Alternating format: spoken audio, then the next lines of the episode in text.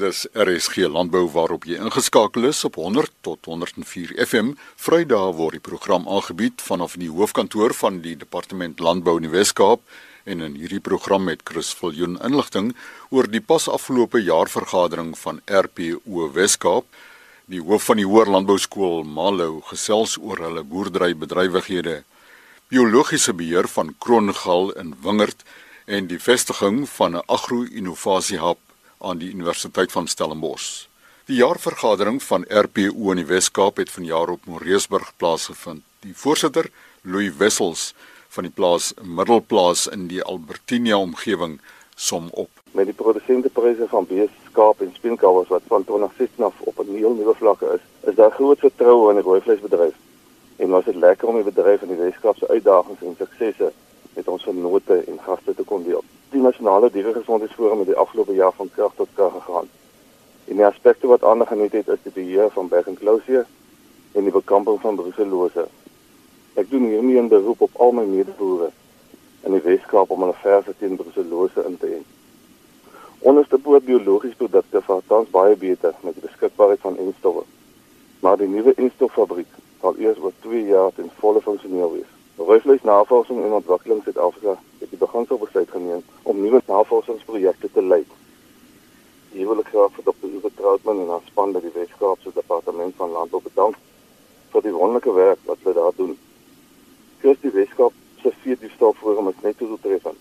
Veediefstal is 'n vergelyking met ander provinsies mooi onder beheer, behalwe op plase waar daar naby aan die metropole geboer word. Dit bly egter in kopsie dat net 30% van veediefstal sake by die polisie aangemeld word en ek vra al ons produsente se samewerking hier. Ek wil ook dankie sê vir Luitenant Kolonel Johan Smit wat die moeite gedoen het om ons jaarvergadering by te woon. Hy is die provinsiale fisiese wat skitterende werk saam met die provinsie se ses fisiese unite doen. Dis soos julle luisteraars weet, is die Weskaap steeds vasgevang in die ergste droogte en mense hier gemis. Die ondersteuning en welwillendheid wat ons van boere uit ander provinsies kry, is 'n remoner jaar en ek bedank vir oggend elke luisteraar wat 'n bydrae gemaak het het sy dit voel of kontakskennis of al met vervoer van skennis is.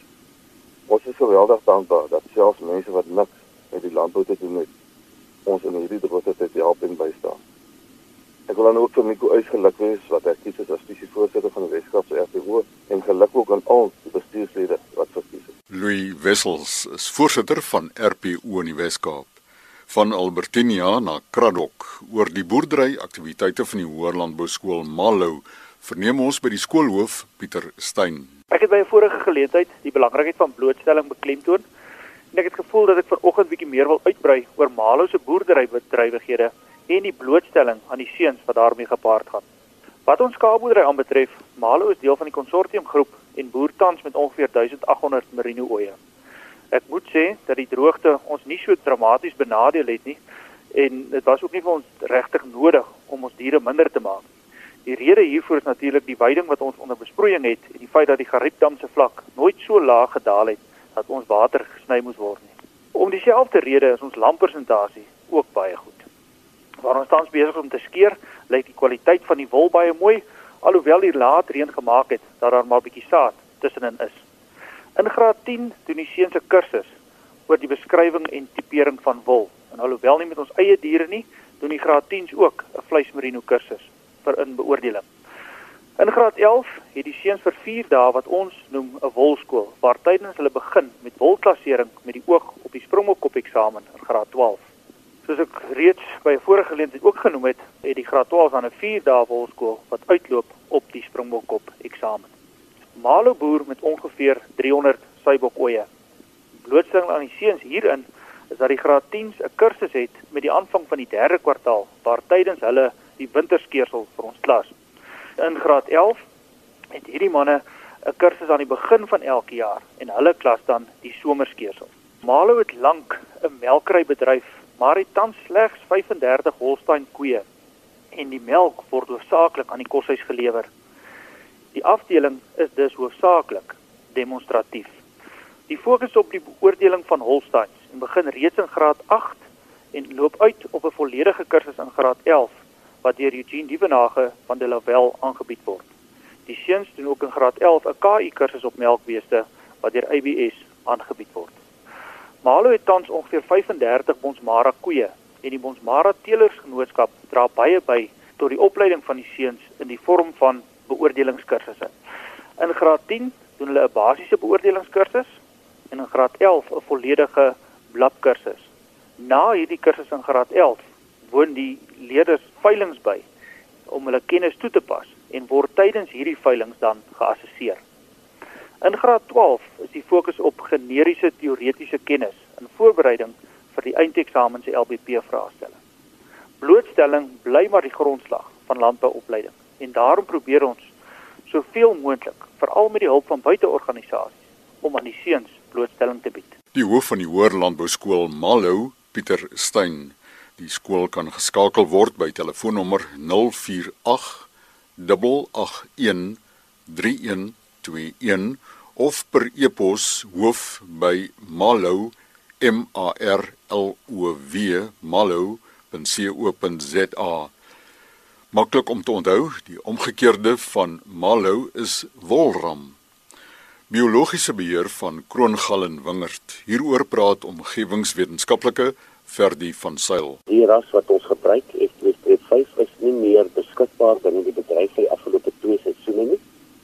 Ehm um, weens probleme tussen die lisensiehouer en die vervaardiger en die verskaffer en dan ook die getalle wat hierdie bedryf benodig word en vir my kommerwekkend dat ons sulke groot suksese met ras 84 se biologiese beheer en vrugte en steenvrugte behaal het en tot 99% beheer waar die verlede 60% van daai kwekerye onder kwarantyne en siektebeheer geplaas is weens koronavirus. Ek beweeg in die bedryf rond net soos baie ander mense en ons bevestig dat kroongalle realiteit is binne ons wingerdkwekerye en dan ook ons wingerde in die Weskaap en seker ook elders. En daar's baie kwekers en produsente wat my skakel hieroor en hulle bekommernis daaroor uitspreek. Die ongeluk is dat indien die bakterieë in jou gronde voorkom, daar geen ander manier is daar geen chemie of enigiets geregistreer vir die beheer van behalwe biologiese beheer nie. As jy eers in is, is hy in en jy sal hom nooit weer uitkry nie.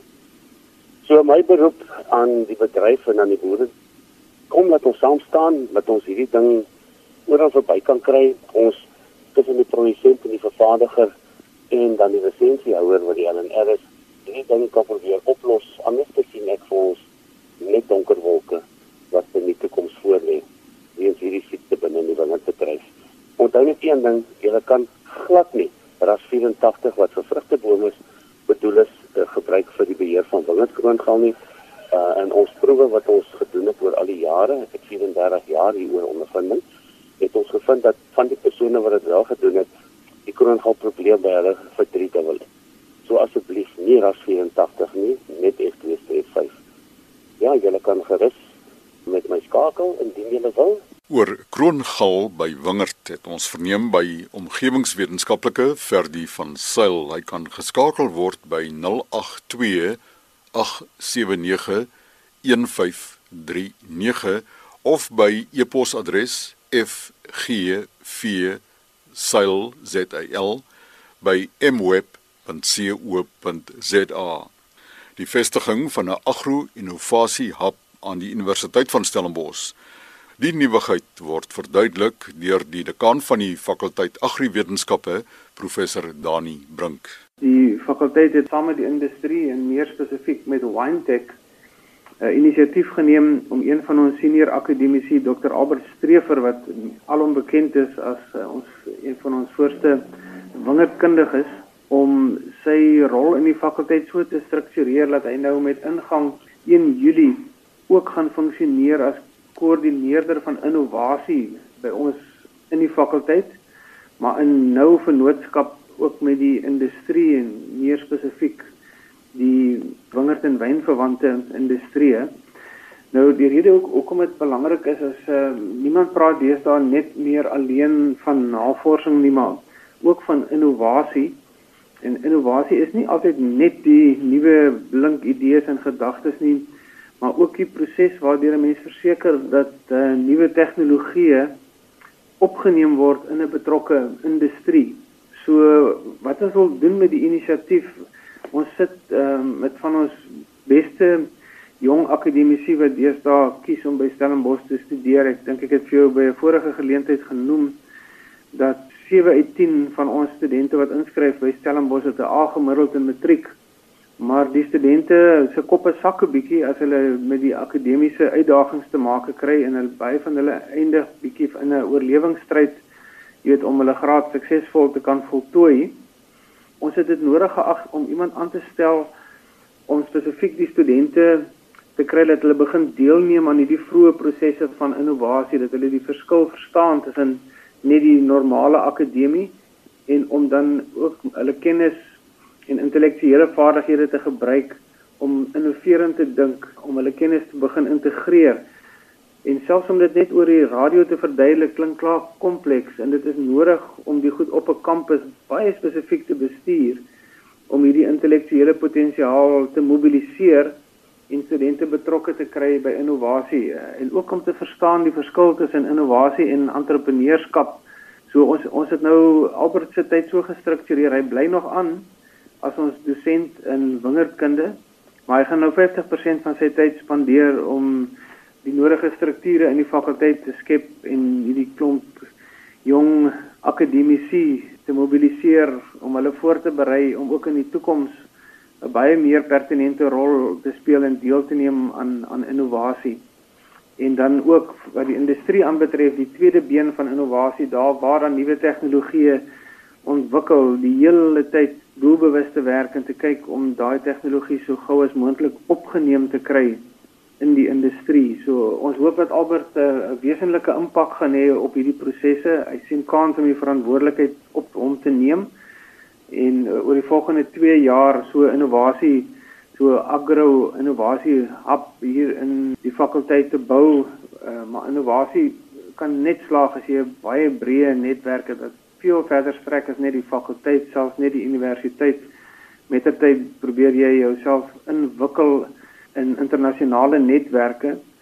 So ons wil graag die industrie daar buite ons produsente en produsente organisasies die versekering gee dat as ons skryf hier in ons portefeulje navorsing en innovasie dat ons iets daadwerklik daaraan doen om hierdie prosesse beter te kan verstaan om innoverende produkte te ontwikkel maar dan veral om ons studente voor te berei om aktief en proaktief aan hierdie prosesse deel te neem. So so dit is 'n betekenisvolle stap. Dis die eerste keer wat die fakulteit dit doen en ons hoop ons gaan uh, terugkyk um, jare wat later met groot sukses op die vestiging van hierdie agro-innovasie hub by Stellenbosch Universiteit. Professor Dani Brink, dekaan van die fakulteit Agriwetenskappe aan die Universiteit van Stellenbosch oor die vestiging van 'n agro-innovasie hub by die fakulteit.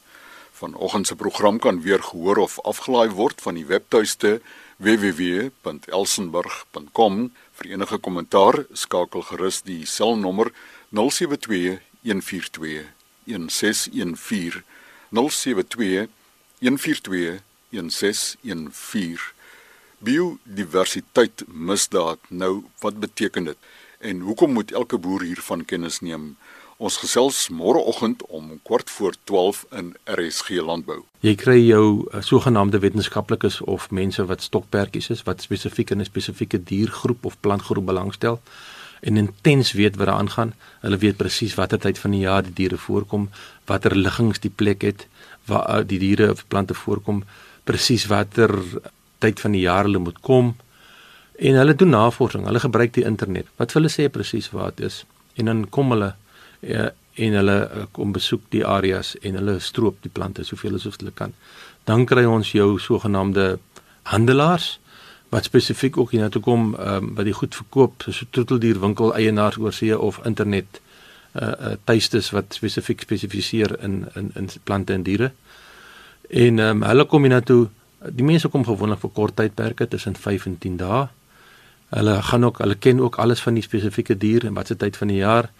En hulle is so stroopers, hulle is so stofsuiers. Hulle versamel alles wat hulle kan kry of hy groot of klein is, maakie saakie hulle gee nie om af vir om die habitat te vernietig nie. Byvoorbeeld as hulle akkedisse versamel dan breek hulle die rotse oop met instrumente en en dat sodat hulle die diere kan kry so hulle vernietig ook die habitat.